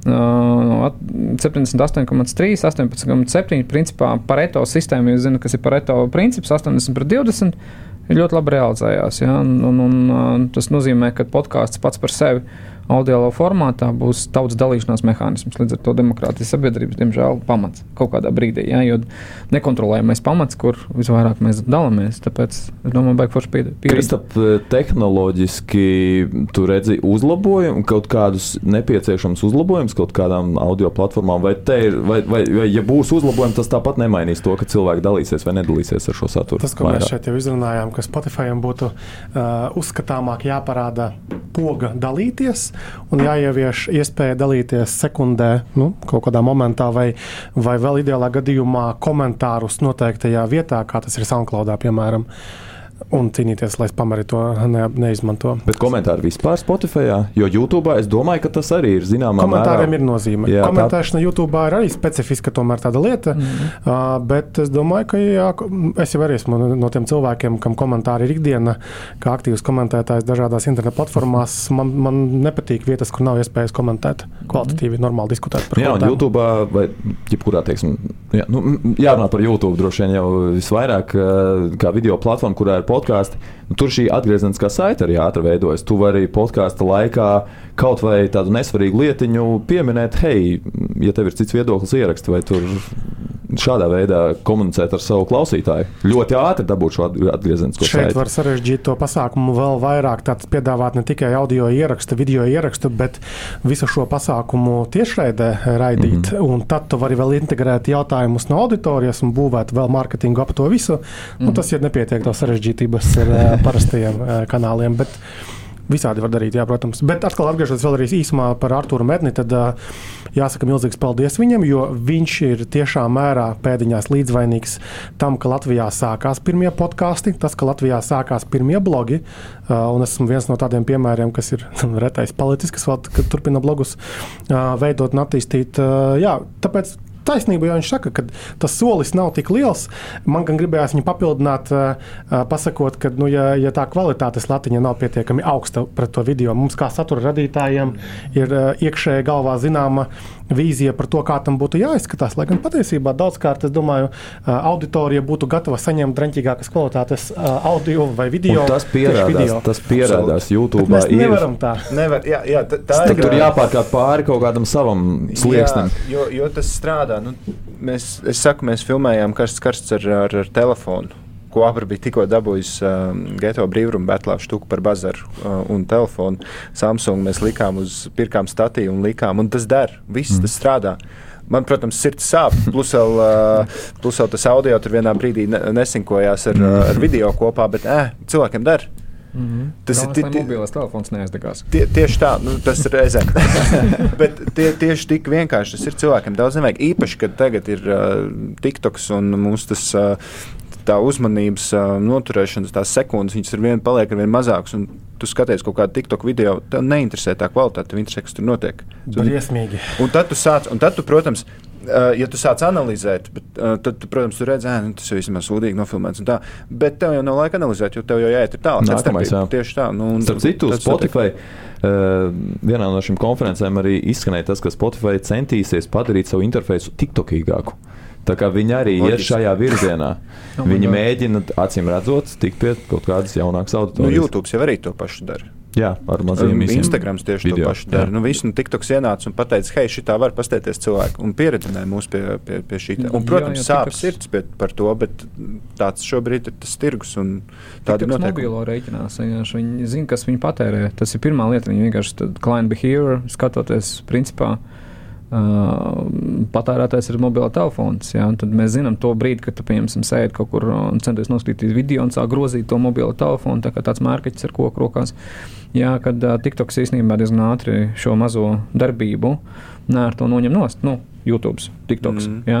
Attiecīgi, šāda mm. uzvedība bija skaidrs, saprotam, ka tas mainīsies. Un, nu, es domāju, es ceru, ka, ka, ka Spotify un YouTube vienkārši pamainīs no horizontāls uz vertikāls, bet ne pārējās lietas, kas TikTokam ir diezgan vājas. Nu, salīdzinot ar tiem visām platformām, es ceru, ka viņi tur netaisās tur doties.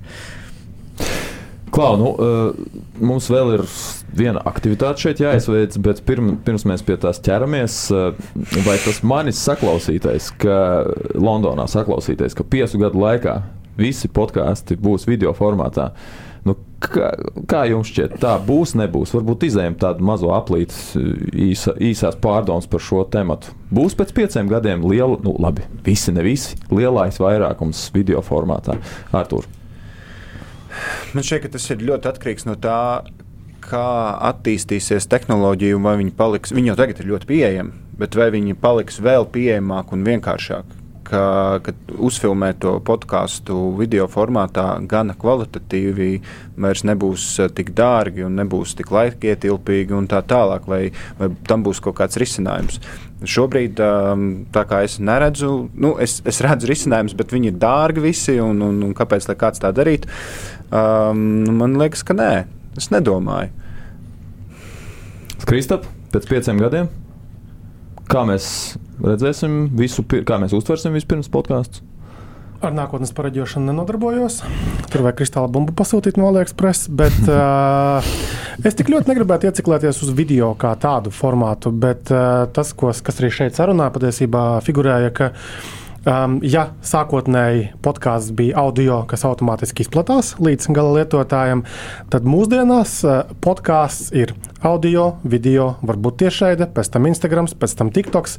Respektīvi, jau sākot būvēt to, ko mēs saprotam ar vārdu podkāstu, visdrīzāk būs uz dažādām platformām. Pēc pieciem gadiem varbūt kaut kādas citas platformas, jā, varbūt būs TikToks nogriezts no Ķīnas nostājā, bet tā vietā nāks kaut kāds big book, jā, piemēram, es nezinu. Bet tas fakts, jā, ka būs vairāk darba izsmērētāka visas šīs darbības būs, un katrā būs kaut kāda maziņas auditorijas, kuras tam nabagam būs tomēr jāapkalpo. Grūti būs. Līva pēc pieciem gadiem, kādu mēs redzam nākotni? Uh, es domāju, audio formāts vēl paliks. Arī mēs varēsim atrast uh, podkāstus audio formātā, bet uh, nu, visa mūsu šī brīža lietošanas pieredze, paradumi, visi sociālo tīklu lietošanas paradumi runā. Nu, es domāju, ka būs vairāk tieši šis video formāts. Bet uh, vēl vienreiz uzsverot, ka audio nekur nepazūd. Tas mums ir kā blakus mēdījis. Attiecīgi mēs tad ejam vai attīstamies ar vienu podkāstu abos virzienos, vai varbūt varbūt taisam divus dažādus saturus, bet, bet nu, noteikti video formāts. Mēs jau tagad redzam, ka podkāsts ir jau no tiem 2005. gada ļoti daudz mainījies savā formātā, un tā notiek ar visiem mēdījiem. Un, un mēs varam runāt par nezinu, TV, kas ir mainījies, un kino, kas ir mainījies, un tāpat radio ir mainījies. Un podkāsts gluži vienkārši šobrīd mums ir nobāzējies kā atsevišķs šis informācijas nesējs, kurš arī piedzīvo pārmaiņas un jau ir piedzīvojis, un tad tālākā, nu, šobrīd vienkārši tā pārmaiņa ir uz to to video formātu. Tā kā visi nē, bet uh, noteikti, kad video bet, ietekmēs. Mans papildus jautājums, vai lab, labs podkāsts būs arī par labu podkāstu, tiks uztverts arī podkāsts bez video? Nu, tas droši vien ir ļoti diskutabls jautājums. Jo vienīgais, ko es varbūt ātri pieminēšu, ir mēs atceramies, 2021. gadā bija Clubhouse, ja, kas mm. mums bija tikai un vienīgi par audio formātu. Mēs redzam, ka cilvēkiem nepietiek ar audio formātu. Viņiem kaut kas līdz galam nepārliecina. Tāpēc iespējams pēc pieciem gadiem tam podkāstam būs nepieciešams arī video formāts. Mm -hmm. Andrej, pieci gadi.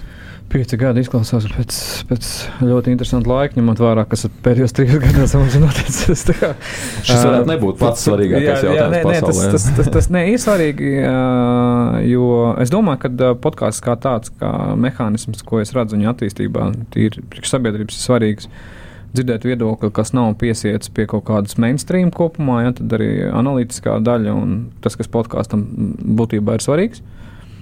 No vizualizācijas attīstības tehnoloģijas posma es teikšu, ņemot vērā, ka mūsu ekonomika visur pasaulē, kur vien redzams, un mums Latvijā par to nerunā, tāpēc, ka droši vien mēs esam optimisti, iet uh, spēcīgā stagnācijā, iet uz leju. Līdz ar to tas investīcija internetā, uh, jaudā, nu, lai tās platformas nodrošinātu to visu video uh, procesu un renderēšanu, varbūt mēs spēsim izveidot to kvalitīvo video.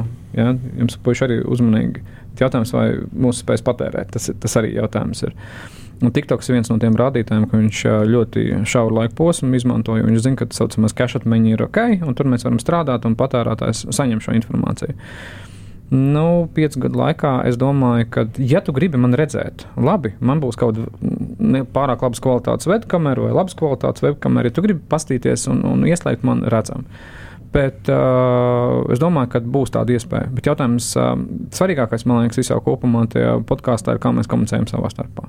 Vai mēs vizualizējam, konkrēti ejam uz vizualizāciju, man pilnīgi vienalga, kā es izturos tajā brīdī, mums ir forša saruna, ja, kas arī kāds novēro. Tas ir tas, man liekas, tas formāts, kādā veidā mēs savā starpā komunicējam, būtu svarīgākais šī gadījumā, ko mēs tajā visā sniegam iekšā. Ja. Tā kā uzreiz uz video kamerā orientēta vai toties mēs uz audio. Ja. Tad es domāju, podkāsts paliks tur, kur viņš ir. Bet viņam būs tāda maza iespēja mm, parādīties klāt, tas, ka, jā, ja tu gribi uz manis paskatīties, lūdzu, paskaties. Un, un es vienu lietu ceru par Latviju. Es par visu pasauli neinteresējos, man viņi neinteresē. Man, man interesē to, kā mums iet. Un es ceru, ka Latvijā visi tie, kas nodarbojas ar podkāstu, beigās izdomās izmantot vienu platformu vai kopā sadarboties, lai veidotu šo nu, saturu. Uh, Jo ir labāk, ja mēs vienojamies par to, ka mums ir viena finanses bāze, viena kamera, viens darbs, viena ieraksta un tā tālāk, kas ir finansiāli daudz jaudīgāk, lai būtībā savu, savu sabiedrību, savu auditoriju turētu informēt maksimāli. Tas, man liekas, piemēram, Latvijas piecu gadu laikā būtu diezgan forši sasniedzams. Gala rezultāts, ka podkāsts ir vienojās kopā spēles noteikumā, pieņemsim, ko to reģionālā Latvijā. Jā, un es domāju, ka tas arī notiks, jo šī globalizācijas procesa sāk mazināties, jāsāk domāt vairāk par Latvijas sakot, savu silto vietu nekā, nekā savādāk. Un, ja gribās kaut kādu, piemēram, komerciālu virzienu, tam ir cita platforma. Tam var būt cita platforma. Ja? Bet būtībā piecos gados domāt, pienāks klāt video. Bet um, nenogalinās to saucamo video, not kill radio star. Podcast star. jā, podcast star šajā gadījumā. podcast zvaigznes nenogalinās video. Labi, es piedāvāju nopaļot mūsu sarunu tā ilustratīvi parādot tiem, kas mūs skatās, nevis klausās, um, uh, jo gal galā par video runājam. Kādā punktā tad mēs šobrīd esam ar, ar uh, video podkāstiem? Kādi ir plusi un mīnusi tam, ka mēs varam radīt podkāstu video formātā? Tātad plusi un mīnusi video formātam podkāstos. Uh, uz, uz galda man ir divi brīnišķīgi trauki, šobrīd tukši. Es lūkšu jūs pa vienam nosaukt vienu lietu, vienu plusu, Un tad, uh, attiecīgi, plusi ies no manis pa labi traukā, mīnus ies no manis pa kreisi traukā.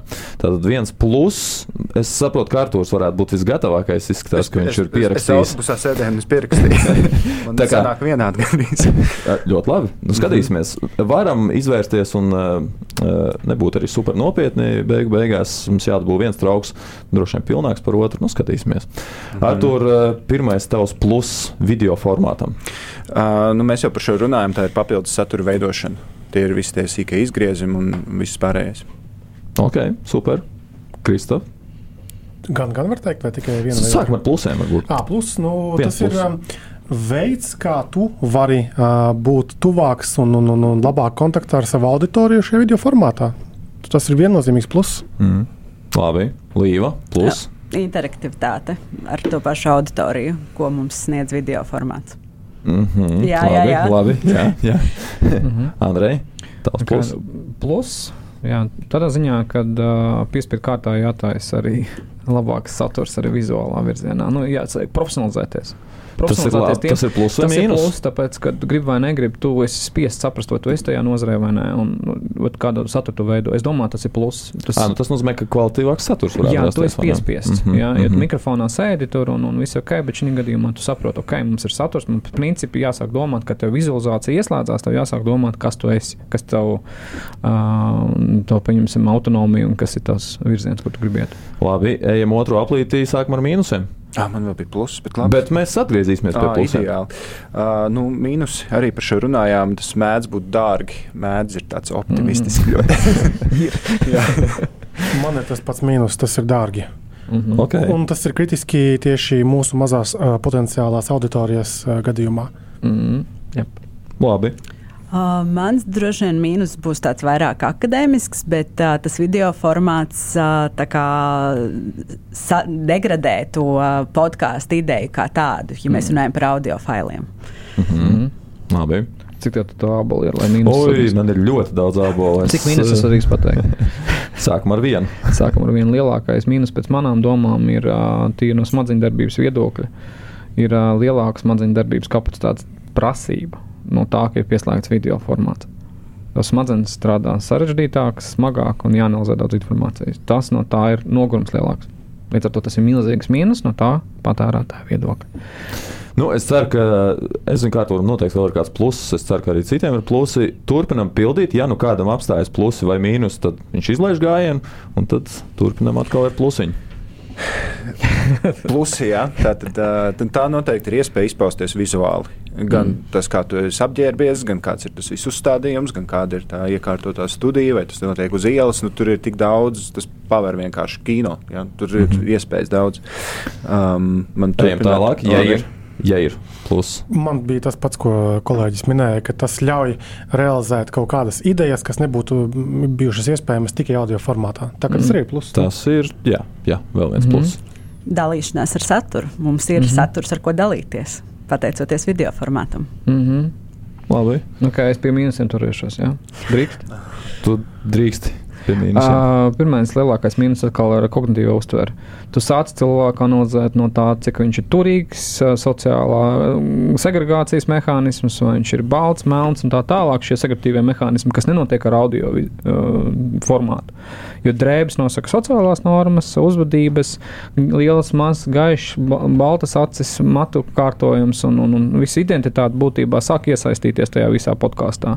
Tieši pieņemsim arī par mīlestību runājot, jo negribu runāt par mīlestību savā, lai visi skatās uz tevis vizuāli un domā par mīlestību, skatoties uz manis. Ja, tas tā formāts nav tas īsti. Uh, un, un, un tas ir tas milzīgais mīnus īstenībā vizualizācijā, jo mēs dzīvojam diezgan agresīvā vidē. Ir divas veidi agresīvas formas. Jā. Viena ir sievišķā, otra vīrišķā. Vīrišķā ir ar likumu aizliegta, sievišķā attiecīgi šie sociāli novērtējumi, gossipings un tā tālāk. Un tā tālāk. Un šī gadījumā, tad, ja mēs ieslēdzam video, reiķinamies, ka mēs būsim zem šī spiediena.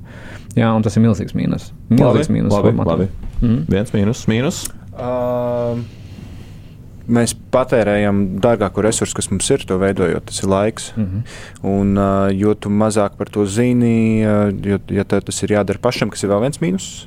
Jo iespējams, ka tas jādara pašam.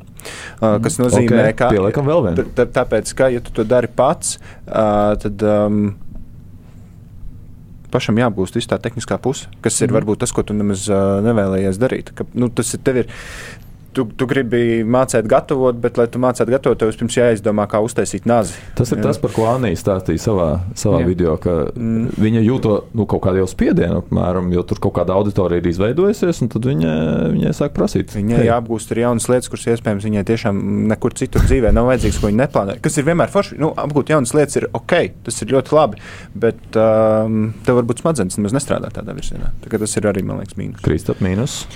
Jā, viennozīmīgi mīnus arī paturpinot to, ko iepriekš minējām, ka tātad uh, auditorijas spiediens tevi radīt kaut kādā tev vēl nezināmā, nepārzināmā formātā. Uh, ja tu tam pakļaujies, visdrīzāk radīs mazāk kvalitatīvu šajā jaunajā formātā to darbu. Tas ir viens mīnus.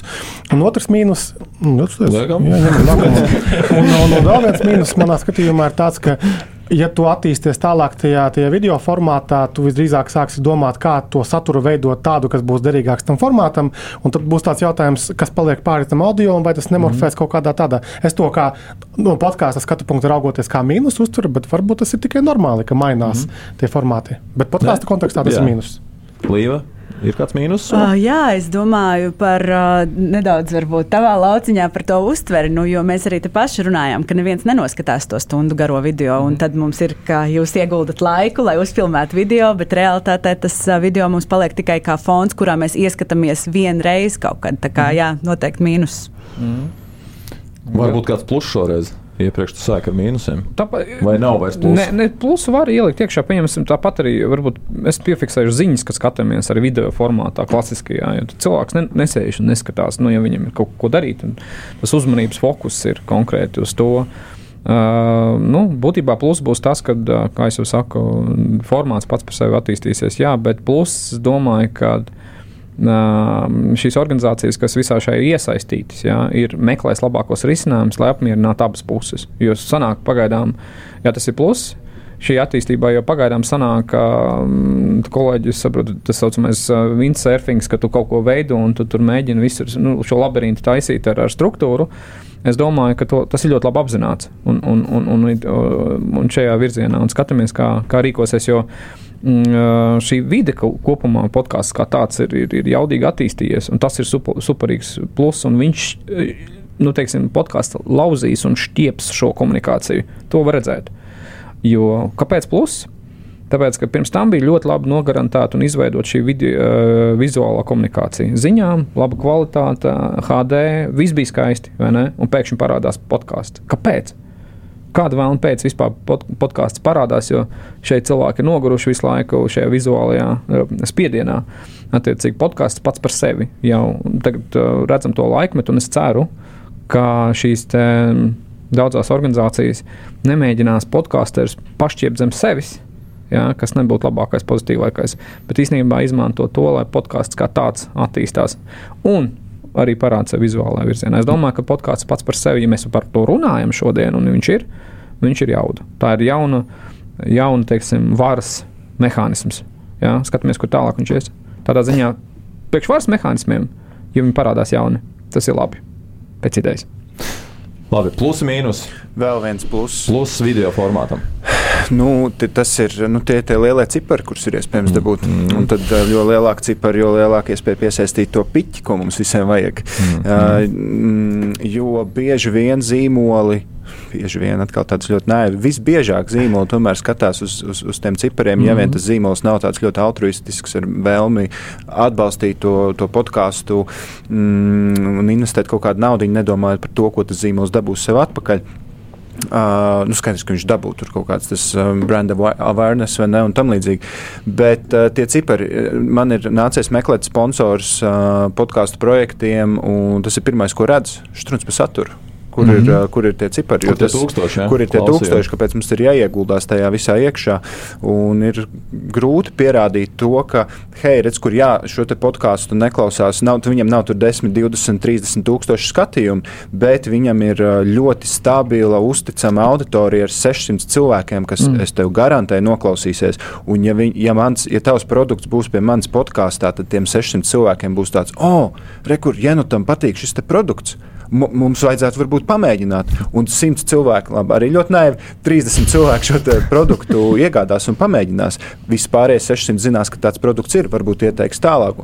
Un tev ir ļoti grūti pierādīt, ka šeit ir tā uzticamā auditorija, kas varbūt ir maza, kamēr ir kaut kādi lielie podkāsti ar 50 tūkstoši skatījumiem epizodē, bet auditorija ir ļoti izkaisīta un nav uzticama tam, tam, tam cilvēkam, kas, kas, mm. kas to podkāstu veido.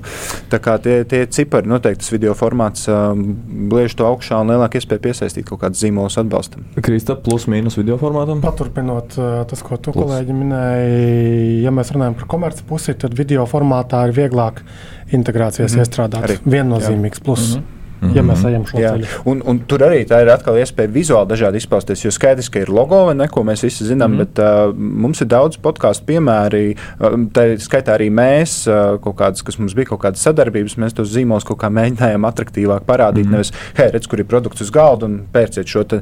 Nē, hei, sveiki, šis ir produkts. Un, un tad tur sākās kaut kāda improvizācija ap to visu un humors. Mm -hmm. un, uh, nu, jā, tur ir krietni lielāks iespējas. Un es saku, mm -hmm. tur mhm. ir horizonts ir ļoti tālu, tur var izpausties vēl un vēl. Līva, plus, mīnus. Es video. arī paturpināšu, plus uh, radošums. Tas ir par tām daudzām dažādiem veidiem, kā mēs uh, domājam, kā šo video veidot. Tas jau vienreiz izskanēja radošums. Jā, jā. Nu, dažādiem griezumiem. Radošums ir labāks vārds nekā viņa apkopoja. Kā galvas sāpes, kā to pasniegt. Labi jā, radošums. Okay. Ko jau kolēģi arī minēja no, no mārketinga stratēģijas un, un, un, un, un, un teiksim, um, no klasiskā patērētāja uzvedības viedokļa. Uh, tie divi vārdi, ko man grūti ir latviešu atrast pareizos nosaukumus, brand awareness un recognition, jo tās ir divas savādākas lietas. Viens, ka tu vizuāli viņu redzi, otrs, ka tu atpazīsti, ko viņš dara. Jā, un, un, un pieņemsim tiem organizācijām, kurām vajag šo vizualizāciju, lai vismaz kāds viņus atpazīst. Uh, jā, pieņemsim, tad kā, kā, kā produktu, jā, ja viņš pat pēkšņi mainīs, tad ir diezgan pagrūti. Iedomājieties, tev vajadzētu audio formātā stāstīt, sveicināt, šodien organizācija tēti pamainīja savu logo. Mēs jums varētu parādīt, bet nē, mūsu formāts vēl neļauj darīt. Nu, tas ir, es domāju, milzīgais pluss arī, pieņemsim, komerciālās pasaules virzienām. Lielāks iespējams peļņas. Bet atkal es vienmēr esmu arī organizācijas pusēs. Droši, droši, droši kā plusa lietas, esmu organizācijas pusēs, jo man īsti nav skaidrs. Ja tev ir 10,000 sekotāji, pieņemsim, arī ļoti optimistiskā virzienā, pieņemsim, kas skatās, cik liela daudzums no tiem 10,000 varēs būt uh, saucietie klienti, kas pirks, un, un kā mēs nodrošināsim pircēju lojalitāti. Ja tad uh, kopumā skatoties, uh, audio formātam ir augstāks lojalitātes koeficients. Tīri no tādas ziņas, ka viņš ir regulārāk apmeklē. Jo tie, kas izm, uh, tas arī uzreiz pie mīnus, jo redzi, uh, audio, audiālajā virzienā ir lielāka lojalitāte. Ja, tad pieņemsim. Un, uh, attiecīgi, video formātā, ja tu neesi gan izklaidējošs, es aiziešu kaut kur citur, pastīšos, lai tā nāc šaut, viņi foršāk ar savu facial expression darbojās. Ja? Tā, tas, ir, tas ir liels izaicinājums konkurēt ar milzīgiem spēlētājiem, it sevišķi angļu valodā ja kaut kādā brīdī tīri uzmanības ziņā. Jā, tas, tas ir milzīgs mīnus. Tur lielāko ābolu var atrast un, un iemest. jo, jo es tev esmu mīnusos, es esmu ielicis lielāks ābols, tāpēc izskatās, ka ir līdzīgi, bet patiesībā šajā plusu vāzītē vai traukā ir nedaudz vairāk. Okay. Tur ir mazi, bet daudz vairāk. Mazi un spēcīgi, jā, jā. mazie cīnīši. Vēl kādi plus mīnus pēdējās pārdomas Nu, izskatās, varētu mēs vēl runāt. Jā, vai ne, vai ne, varētu stundām. Es jau jūs esmu aizkavējis ilgāk nekā solīju, bet uh, vēl pati, pati pēdējā lieta, kas mums ir jāizdara, es gribu teikt paldies arī gan jums bet arī visiem tiem, kas piedalījās mūsu aptaujā par podkāstiem. Kopumā vairāk nekā tūkstoši respondentu. Manuprāt, ļoti uh, solīds skaitlis. Un, uh, Arī jūs tiksiet pie mazām dāvinām, bet, lai jūs viņus nopelnītu, jums būs jāpalīdz man izlozēt četrus laimīgos, kuri piedalījās šajā aptaujā, un viņiem būs iespēja uh, nākt ekskursijā uz Latvijas rādio, uz leģendāro ēku, kur izrādās arī spokojas. Es pilnīgi nešaubos par to. Tātad se, aptuveni 700 uh, respondenti mm, izteica vēlmi piedalīties arī izlozē. Šeit ir 700, mazliet mazāks, kā 700 lapiņas. Visi, kuri izteica šo vēlmi, es došu trauku apkārt. Būs jā, jāizvelk viens no mm, laimīgajiem un jānolasa e-pasts tikai mm. e-pasts. Un tad mēs eh, savukārt ar jums sazināsimies ar šiem laimīgajiem, lai vienotos par laiku, kurā tad arī varēsiet nākt. Ekskursijā uz Latvijas rādio. Sāksim atkal no pulksteņa rādītāja virzienā ar Andreju. Mm -hmm. Ņem izvēles vienu no paldies cilvēkam, kas viņš viss ir sagriezis. Mm -hmm. Viņa pacietība. Mm -hmm. Ok, e-pasts mums būs Arita Dembrovska at gmail.com. Es atkārtošu Arita Dembrovska at gmail.com. Apsveicu Arita tev. Arita. Arita ir pirmā laimīgā. Tātad apsveicam Aritu. Līva. No tavas rokas ekskursijā uz Latvijas rādio nāks Starks.toms. Starks.toms at gmail.com. Super. Toms arī nāks. Jā. Kristā. Ja iegrābsimies dziļāk arī beidzot. Roberts.līnis at gmail.com. Roberts. Roberts. Arita, Toms, Roberts. Kāda, un... kāda iespēja, ka es izvilkšu kādu e-pastu, kas nav Gmail? Tagad izvilks no Gmail. Pats uh, tā, uz Latvijas radio māju ekskursijā nāks Lincis Z1994 at gmail.com. Mēs varam nojaust viņa dzimšanas gadu, bet Jā. mēs varam tikai nojaust. Nevar zināt, vai tas tā ir. Paldies! Tātad visi šie uh, nosauktie mēs ar jums sazināsimies un vienosimies par laiku, kad uh, varēsiet nākt ekskursijā. Uh, uz Latvijas radio ēku, varbūt sastapt kādu leģendāru personību šeit. Tas arī noteikti nav neizbēgami. Kurš spokojās, ja? Varbūt arī spoku satikt, ja nāksiet vēlās, vēlās stundā. Paldies par dalību visiem jums, kas šodien ieradās. Noteikti mm, liels prieks bija šeit redzēt, un ļoti interesanta saruna. Andrejs Kozlovs, behaviorists, tā, tā arī sauc. Jā, tā, jā, jā, jā, tā arī sauc. Mm. Latvijas Universitātes docente, digitālo mēdīju pētniece Līva Kalneča. Tāpat arī Kristaps Skutels, kursors, LV galvenais redaktors, izveidotājs un podkāstu kursors, ko, ko kursors tev Neraksta. Neraksta. Neraksta autors. Un eh, podkāstu karsts, karsts un sarunas par mīlestību izveidotājs, vadītājs Arthurs Janots. Paldies, bija prieks šeit būt. Paldies arī tev. Paldies, ka skatījāties un klausījāties. Klausieties podkāstus. Eh, arī Latvijas radio podkāstus. Jau nākamā nedēļa iznāk jauns podkāsts par drošību ar nosaukumu Drošinātājs. Tā kā sekojiet mūsu sociālajiem tīkliem, noteikti nepalaidīsiet garām. Bet uh, Vēlreiz saku jums paldies par to, ka pieslēdzāties, ka veltījāt savu pusotru stundu laiku, lai uh, skatītos šo sarunu. Uh, noteikti, ja pieslēdzāties nedaudz vēlāk, tad varat skatīties pēc tam ierakstā vai nu šeit pat Facebook, vai arī YouTube platformā Latvijas radio kontā un tāpat arī podkāstā Raidnīca. Paldies! Svinam Startautisko podkāstu dienu! Uz redzēšanos!